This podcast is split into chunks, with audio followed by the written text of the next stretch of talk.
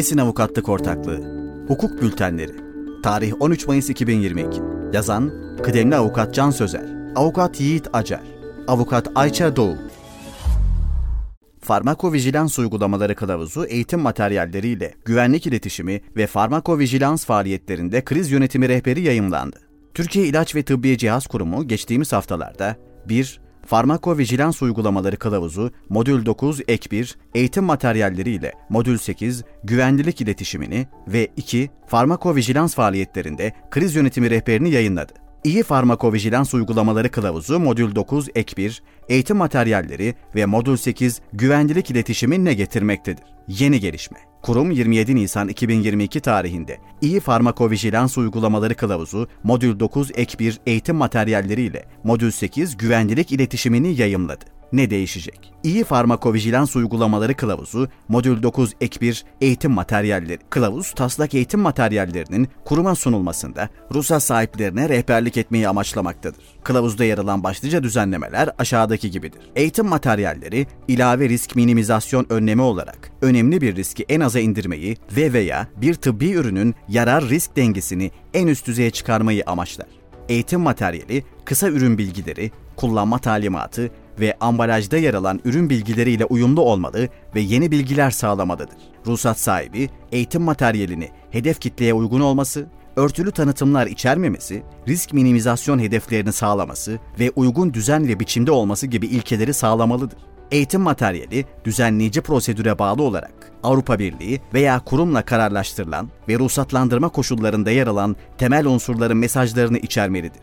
Eğitim materyalinde detaylı bilgi için internet sitesine yönlendirme yapılabilmesi kurumun onayıyla mümkündür. Eğitim materyalinde görsel ve grafikler metnin yeterli olmadığı hallerde kullanılmalı ve tanıtım amaçlı olmamalıdır. Kurum veya ruhsat sahibi tarafından farklı bir eğitim materyali önerilmedikçe ruhsat sahibi Avrupa İlaç Ajansı tarafından onaylanan eğitim materyalini kurum onayından sonra Türkiye'de uygulamalıdır. Eğitim materyalleri kılavuzda yer alan bilgi ve belgelerle kurum onayına sunulabilecektir. Bir etkin madde için ilk başvuruya istinaden hazırlanan eğitim materyali kurum tarafından onaylandıktan sonra kurumun internet sitesinde ilan edilecek olup aynı etkin madde için sonradan yapılan başvuruların ilan edilen materyaller üzerinden hazırlanması, kurum onayına sunulması gerekir. Kurum eğitim materyalini ortalama 60 gün içerisinde değerlendirerek onayladığı eğitim materyallerini internet sitesinde yayınlayacaktır. İyi farmakovijilans uygulamaları, Kılavuz Modül 8 Güvenlik İletişimi, ilaç güvenliğine ilişkin bilgi,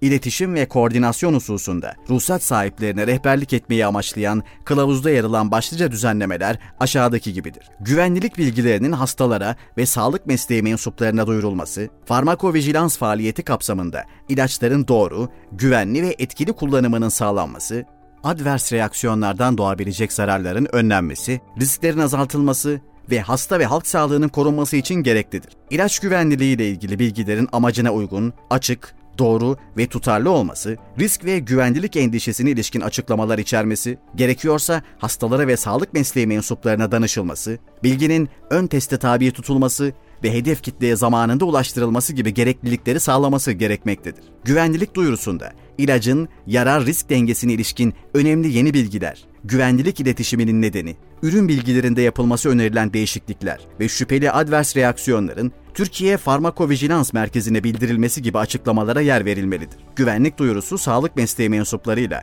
doğrudan iletişime geçilerek kurum aracılığıyla basın bültenleri, yayınlar, sosyal medya veya internet sitesi gibi araçlar üzerinden yapılabilecektir. Sağlık mesleği mensuplarına yönelik bilgilendirme mektupları, ilacın uygun kullanım koşullarına etkisi olmayan ürün bilgisi değişiklikleri gibi sağlık mesleği mensuplarına bireysel olarak iletilmesi gerekmeyen bilgilerin yayılmasında ve tanıtım ticari amaçlı kullanılmamalıdır. Farmakovijilans faaliyetlerinde kriz yönetimi rehberi ne getirmektedir? Yeni gelişme. Kurum 27 Nisan 2022 tarihinde farmakovijilans faaliyetlerinde kriz yönetimi rehberini yayımladı. Rehberde kriz ve risk tanımı, özellikleri, paydaşların yapması gerekenler, kriz ve risk analizi örnekleri, kriz yönetim şemaları ve iletişim becerileri gibi açıklamalara yer verilmiştir. Ne değişecek? Kriz ve kriz yönetimi. Rehber uyarınca kriz, bir organizasyonun normal faaliyetlerinin sekteye uğramasına veya istikrarını yitirmesine yol açan planlanmamış bir durum veya izleyen durumlar dizini olarak tanımlanmıştır. Rehber, organizasyonların kriz haline ilişkin önceden tanımlanmış eşikleri olması ve gerçekleşmesi halinde kriz yönetim planının uygulanması gerektiğini düzenlemektedir. Kriz yönetimi kapsamında organizasyonların dış paydaşlarla işbirliği içinde krizleri önleyebilmesi veya ortaya çıkan krizleri etkin biçimde yönetebilmesi gerekmektedir. Kriz yönetiminde temel amaçsa krizlerin tahmin edilmesi ve krizlerden kaçınılmasıdır. Kriz halinde tüm taraflar için başarı, başarısızlık dengesinin lehte olmasının sağlanması, kriz esnasında ve krizden sonra iş kapasitesinin ve devamlılığının korunması ve benzer olayların gelecekte de meydana gelmesini engellemeye veya söz konusu olaylarla daha etkili mücadele yollarının bulunması hedeflenmelidir. Kriz yönetim planlaması, krize hazırlık, organizasyonun tüm bölüm ve düzeylerinden gelen yönetici grubundan oluşan stratejik kriz planlama ekibinin kurulması, krizi önleme hedefli istihbarat toplanması, genel risk değerlendirmesi ve eğitimlerin yapılması gibi aşamalardan oluşmaktadır. Risk ve risk yönetimi.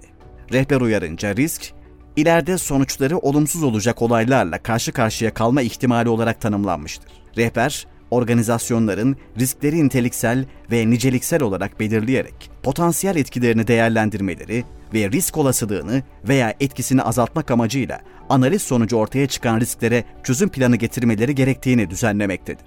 Risk analizi 1.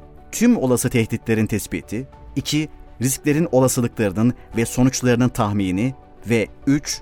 Riskin doğru bir perspektife yerleştirilmesi, planlama ve eylem için risk senaryolarına öncelik verilmesi şeklinde 3 aşamadan oluşmaktadır. İletişim Rehber, kriz anında organizasyonların sahip olması gereken iletişim becerilerini detaylı olarak düzenleyerek iletişimin açık, dengeli, dürüst ve belirli bir konuya odaklı olması gerektiğini vurgulamaktadır. Bu kapsamda uğranacak zararların azaltılması ve en hızlı şekilde çözüm bulunabilmesi adına sağlık mesleği mensupları, ilaç şirketleri, tüketiciler ve baskı grupları gibi tüm kitlelere yönelik etkili iletişim planı yapılmalıdır. Sonuç kurum sağlık sektöründe faaliyet gösteren şirketlere rehberlik etmeye devam etmektedir. Sağlık sektöründe faaliyet gösteren tüm ilgili şirketler kurumun duyurularını yakından takip etmeli ve mevzuatta yer alan yükümlülüklerini kurumun yönlendirmeleri doğrultusunda yerine getirmelidir.